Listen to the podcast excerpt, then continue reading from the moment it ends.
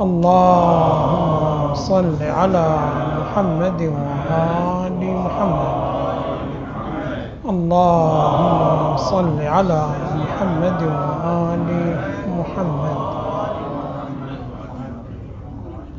تمر علينا في هذا الأسبوع الأسبوع القادم يوم الأحد مناسبة ذكر الإمام العسكري سلام الله عليه. نبارك لكم هذه المناسبة الجميلة ونبارك لجميع المسلمين والمسلمات. نستفيد من توصيات الإمام العسكري سلام الله عليه أبي محمد عليه السلام. قوله أفضل نعمة بعد الإيمان بالله العلم بكتاب الله ومعرفة تأويله. ثم يقول سلام الله عليه ومن جعل نعمة أخرى أفضل من نعمة العلم بكتاب الله فقد حقر نعم الله سبحانه وتعالى.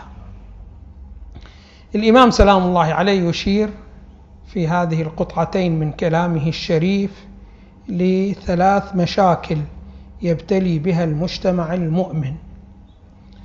فأول مشكلة يبتلي بها المجتمع المؤمن أنه يحتاج إلى من يعرفه بالكثير من النعم التي أنعمها الله سبحانه وتعالى على الإنسان ولكن الإنسان بطبيعته البشرية وبحياته المادية واعتنائه بالجسمانيات في أغلب فترات حياته يكون مشغول وغافل عن الكثير من النعم المهمة. فهنا الإمام سلام الله عليه ينبه الإنسان المؤمن إلى أن هناك مجموعة من النعم. الإنسان في الأعم الأغلب يكون غافل عنها وبالتالي فقطعا هو معرض عنها فلا يشكرها. وعدم شكر النعم عدم شكر النعم يعرض النعم إلى الزوال. فهنا يبين الإمام سلام الله عليه أفضل نعمة بعد الإيمان بالله العلم بكتاب الله ومعرفة تأويله.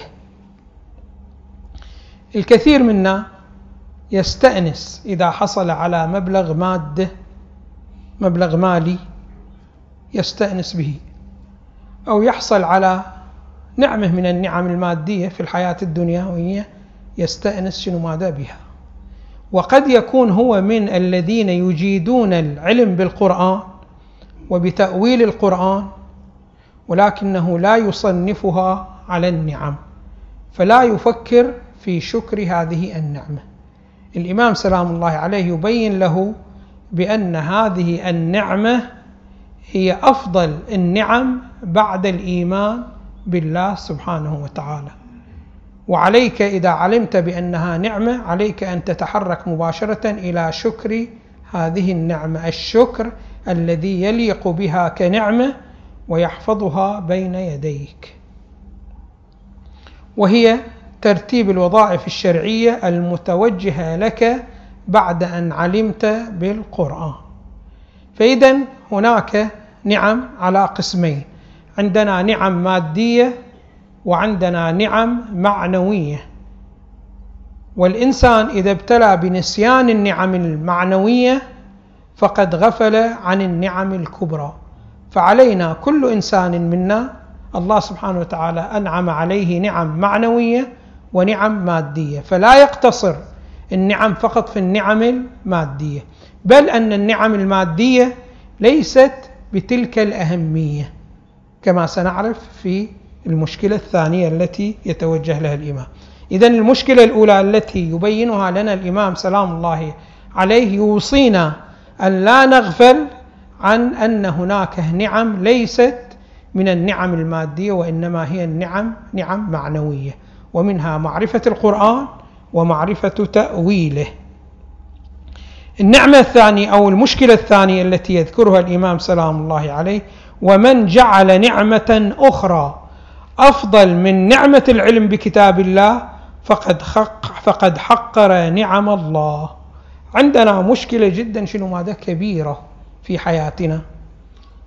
وهذه شنو ماذا؟ المشكلة الثانية التي يتعرض لها الإمام في هذه القطعة الثانية وهي عبارة عن أن الإنسان لا يستطيع أن يقيم أيهما أفضل النعمة المادية أو النعمة الأخروية.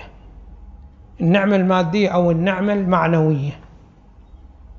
ولذلك شنو ماذا؟ الكل منا يفرح إذا حصل على نعمة مادية ولكنه لا يكون بتلك الفرحة التي تكون إذا حصل على نعمة معنوية. خب لماذا النعمة المعنوية هي أفضل قيمة من النعم المادية؟ يعني بحيث إذا الله سبحانه وتعالى خيرك بين أن ينعم عليك نعمة مادية مهما كثرت ونعمة معنوية مهما قلت فعليك أن تقيم وتعطي القيمة إلى من؟ إلى النعمة المعنوية لماذا؟ يقولون لأن النعمة المادية مهما طال عمرها فهي قصيرة لأن النعمة المادية أنت إذا أردت أن تستفيد منها تستفيد منها طيلة حياتك. طبعا إذا فرضت بأنه حياتك منزهة عن المزاحمات أما بعض الأحيان الإنسان قد ينعم عليه الله سبحانه وتعالى نعمة مادية ولكن يبتليه بمزاحم يزاحم هذه النعمة المادية فلا يستطيع أن يستوفي التمتع بهذه النعمة المادية. مثلا شخص من الأشخاص الله سبحانه وتعالى أعطاه شنو ماذا؟ أموال ما شاء الله. ولكن ابتلاه مثلا بمرض السكر والعياذ بالله. لا يستطيع أن يأكل على راحته ولا يستطيع أن يتصل الاتصال الجنسي على راحته. فتكون شنو ماذا؟ نعمة ما شاء الله ولكن شنو ماذا؟ منغصة بهذه الصورة وبهذا النحو. أو الإنسان قد الله سبحانه وتعالى يعطيك من نعمة السلطة يعطيك نعمة السلطة وإلى آخره ولكن يبتليك شنو ماذا؟ بمشاكل بمعارضة جدا. مؤذية وإلى آخره من المسائل أو بدولة جارة تؤذيك وإلى آخره بهذه الصورة. فتزاحم. فدائما يقولون النعم المادية دائما لها مزاحمات. مهما استطعت ومهما بالغت أن تتخلص من مزاحمات النعم المادية لن تستطيع. كل نعمة مادية ما شاء الله من المزاحمات عليها. فأولا شنو ماذا النعمة المادية ما تحصل صافية. وهذا يقلل من قيمتها.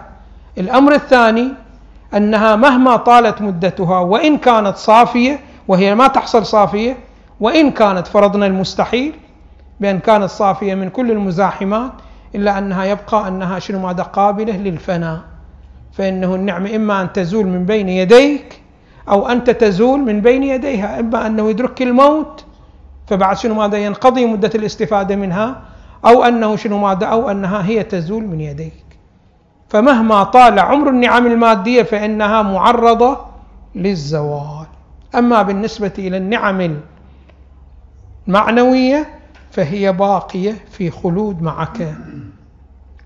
فالإنسان العاقل إذا خير بين نعم مادية ونعم معنوية فعليه شنو ماذا أن يختار النعم المعنوية. لماذا؟ لأنها باقية معه والوقت الذي يكون هو أشد حاجة إليها تكون هي بين يديه يستطيع أن يتوفر عليها ويستطيع أن يتمتع عليه يتمتع بها. ولا مزاحمة للنعم المعنوية. فإذا النعم المعنوية هي شنو؟ ماذا؟ الأفضل. طبعا النعم المعنوية هسه شخص من الأشخاص قد يأتي ويقول بأنه النعم المعنوية خب من الله سبحانه وتعالى والمعطي هو الله سبحانه وتعالى. فأنا ما أستطيع شنو ماذا أن أحصل شنو ماذا النعمة المعنوية. نقول لك لا. النعم المعنوية تختلف عن النعم المادية. النعم المادية صحيح قد يكون أنه ليس لك أي مدخلية في الحصول على النعم المادية ولكن الله سبحانه وتعالى ينعم عليك النعم المادية. مثلا شخص من الأشخاص وهو في بطن أمه يتوفى أبوه ويورث له ما شاء الله من المبالغ المالية. يعني يأتي من بطن أمه وهو غني من غير أي مقدمة. هي نعم مادية. أما النعم المعنوية لا تحتاج إلى شنو ماذا إلى مقدمات. فأنت إذا أردت أن الله سبحانه وتعالى ينعم عليك لابد أن تشتغل ببعض المقدمات. وإن كانت مقدمات يسيرة الله سبحانه وتعالى يفيض عليك. ما شاء الله مثلا الآن الإنسان يريد أن يتمتع شنو ماذا بنعمة العلم. أو بنعمة معرفة القرآن والى آخره لا بد أن يدرس المقدمات.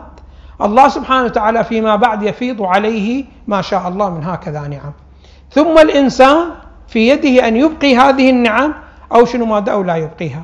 إذا النعم المعنوية تختلف عن النعم المادية. يعني بيدك أنت أن تحصل عليها وبيدك أن تحافظ عليها. هذه شنو ماذا المسألة. إذا المشكلة الثانية التي شنو ماذا يبينها الإمام سلام الله عليه هي أنها أنه يعلمنا كيفية التقييم تقييم النعمة المعنوية عن النعمة شنو ماذا المادية فلذلك يقول ومن جعل نعمة أخرى أفضل من نعمة العلم بكتاب الله فقد حقر نعم الله. المشكلة الثالثة التي يتكلم حولها الإمام سلام الله عليه وهي من النقاط المهمة جدا جدا والكثير منا يبتلي بها. وهي تسويلات الشيطان.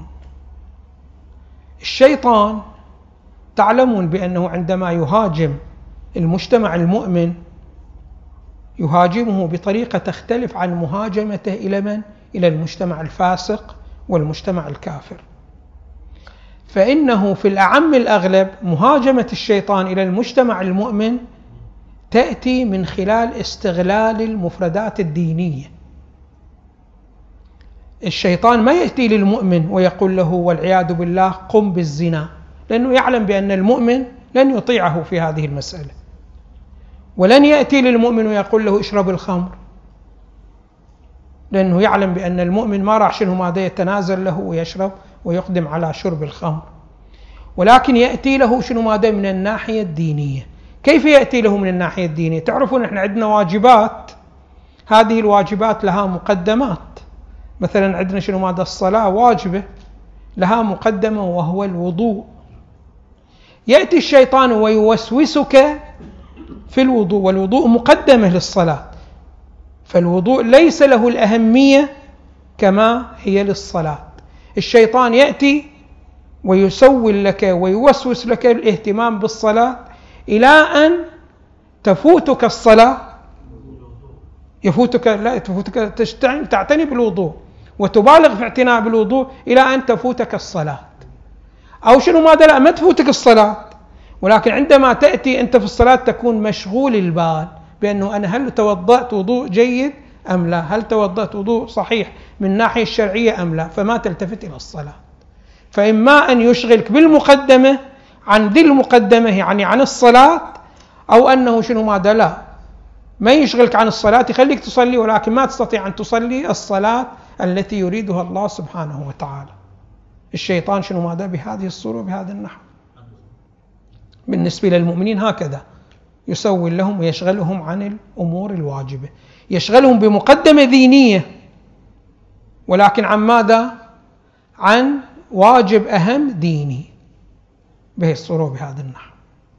الآن إحنا عندنا مشكلة للأسف الشديد وهذه المشكلة مستشرية فينا. وللأسف الشديد نحسب أننا نحسن صنعا فيما يرتبط بالمقدمات المرتبطة بالقرآن الكريم. تعرفون بأن القرآن الكريم الله سبحانه وتعالى عندما نزله أنزله على نبيه صلى الله عليه وآله أنزله ليعمل به وليعتقد بما فيه. الواجبات الشرعية الموجودة في القرآن على نحوين واجبات عقائدية وواجبات عملية. والله سبحانه وتعالى أنزل القرآن لهذه الحيثيتين. وأيضا بين لنا بأنه الجانب العقائدي هو الأهم من الجانب العملي.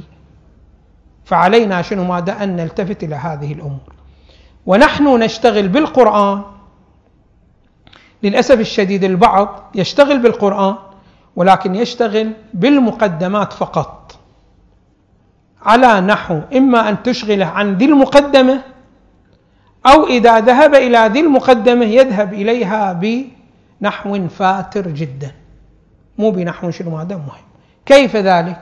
تلاحظ الآن في ما شاء الله من المؤسسات التي هي متصدية لخدمة القرآن. وجزاهم الله خير على ذلك. ولكن هذا مو معنى أنه ليس هناك عيب في عملهم. وعليهم الالتفات إلى هكذا عيوب وإصلاحها. نحن نعلم بأنه علم قراءة القرآن وعلم التجويد وعلم حفظ القرآن حفظ القرآن والتجويد والقراءة من العلوم المهمة بلا إشكال وبلا ريب. ولكنها تبقى هي مقدمة أم ذي المقدمة؟ تبقى هي المقدمة. فعلى الإنسان أن يتعلم قراءة القرآن وعليه أن يحفظ الآيات التي هي موقع ابتلاء. ولكن لا يظن بأنه هذا هو الذي هو مطلوب من القرآن.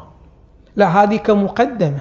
المطلوب أن تعتقد بما أمرك القرآن بأن تعتقد به وأن تعمل بما أمرك القرآن أن تعمل به. فلو فرضنا شخص من الأشخاص فقط شنو ماذا ركز على شنو ماذا؟ على حفظ القرآن وعلى التجويد وعلى مقامات القراءة وإلى آخره من هذه الأشياء التي هي متداولة في هذه الأيام. هذا شنو ماذا؟ اشتغل بالمقدمة. الشيطان يأمره بأنه اشتغل بالمقدمة. ولكن لا تذهب إلى من؟ إلى ذي المقدمة. فلا تذهب لتتعلم ما هو المراد القرآن وما هو مراد الله سبحانه وتعالى من القرآن. ولا تتعلم الوظائف الاعتقادية ولا الوظائف العملية ولا تعمل بها. فإما أنه يطيل لك المقدمات بحيث يلهيك عن أصل الاهتمام والالتفات إلى ذلك الجانب أو أنه لا. يجعل لك بعض الفراغ تلتفت إلى ذلك الجانب ولكن ما تعطي حقه. هذا أيضا شنو ماذا من الدعوات الشيطانية. فشوفوا الآن إذا شخص من الأشخاص يظن أنه أنا بالاشتغال بالتعلم بقراءة القرآن وبحفظ القرآن أنا ابتعدت عن الشيطان نقول له لا يا حبيبي هذا مو دليل على أنك ابتعدت عن الشيطان. فإن الشيطان بعض الأحيان يأتيك ويأمرك أن تهتم بالمقدمات على حساب أن تضيع ذي المقدمات. فعلينا شنو ماذا؟ أن نلتفت هكذا شيء. فهكذا الإمام سلام الله النبي النبي صلى الله عليه وآله باعتبار هذه الرواية ينقلها النبي الإمام سلام الله عليه عن النبي. يقول أفضل نعمة بعد الإيمان بالله العلم بكتاب الله. فعلى الإنسان شنو ماذا أن يسعى إلى تعلم كتاب الله سبحانه وتعالى. ولكن تعلم كتاب الله هل فقط بالألفاظ والقراءة؟ لا. الألفاظ والقراءة ضرورية ومهمة ولكن باعتبار أن توصلك إلى شنو ماذا إلى الهدف. أما أن تضيع وقتك فيها فهذا شنو ماذا لا هذا مطلب شيطاني. علينا أن نلتفت إلى هذا الأمر. ثم أنه إذا ذهبنا إلى القرآن كيف نتعامل مع القرآن؟ الشيطان أيضا شنو ماذا؟ يشغلك عن هكذا أمر. فتذهب أنت للقرآن وتريد أن تتعرف على معاني القرآن. ولكن كيف تتعرف على معاني القرآن؟ الشيطان دائما يشغلك عن أن تصل إلى ما يريده الله سبحانه وتعالى وهو الاعتقاد الصحيح والعمل الصحيح. الشيطان دائما بهذه الصورة.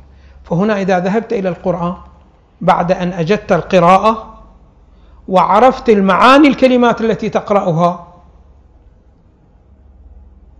عليك أن تصنف هذا المطلب الذي قرأته. هل هو مطلب عقائدي أو مطلب سلوكي وعملي؟ ثم ترجع إلى نفسك. هل أنت فيك المشكلة التي يعالجها هذا المتن القرآني أم أنت بريء من هذه المشكلة؟ فإذا كانت فيك هذه المشكلة حاول أن تصحح سلوكك وتصحح اعتقادك. ثم في بعد القرآن يذكر علامات الصحة تتأكد من وجود هكذا علامات في نفسك. هل أنا اعتقدت الاعتقاد الذي يريده القرآن؟ وعملت العمل الذي يعمله القرآن يريده القرآن أم لا؟ وبالصورة الصحيحة أم لا؟ فإذا فرضنا أنه لم يكن بالصورة الصحيحة لا الاعتقاد ولا العمل فعلي شنو ماذا؟ بتصحيحه. واضح شلون؟ ولتلتفتوا أنه إحنا كثير من الأشياء نحن نخطأ فيها. فمثلا البعض يبدأ شنو ماذا في القرآن؟ وكل اهتمامه بأنه يختم القرآن. لا هذا مو مطلب مهم. أنت يدركك الموت وأنت تعرف معنى صفحة واحدة من القرآن. تعرف شنو ماذا على المستوى الألفاظ المعاني ما هو المراد منها؟ وتعلم بأن الوظائف المتوجهة لك ما هي؟ العقائدية والعملية. خير لك من أن تختم القرآن وأنت ما تعرف شنو ماذا المعاني وما تعرف شنو ماذا الوظائف. فهذه السلوكية المنتشرة عندنا أريد شنو ماذا؟ أن أختم القرآن في شهر أو في شهرين أو في سنة. هي لا تظنون بأنها إيجابية. لا الإيجابي هو العمل بالقرآن. الاعتقاد ما يأمرك بأن تعتقد به والعمل شنو ماذا بما في القرآن. وإن كان في طيلة حياتك ما تختم ولا ختمة. الختمة مو مشكلة. عليك شنو ماذا بإيجادة صفحة واحدة خير من أن تختم ختمة وأنت شنو ماذا؟ صفحة ما عندك العمل بها ولا الاعتقاد بها. فعلينا شنو ماذا من علينا من علينا ترك هذه الأساليب التقليدية التي شنو ماذا الله سبحانه وتعالى لا يقبل بها ولا نبيه. واضح شنو وكما قلت لكم بأنه الشيطان كثيرا ما يدعونا إلى هذه المسائل فهي ليست بمطالب رحمانية وإنما هي بمطالب شيطانية. فعلينا أن نميز بين المطالب الرحمانية والمطالب الشيطانية. غفر الله لي ولكم والحمد لله رب العالمين وصلى الله على محمد وآله الطيبين الطاهرين.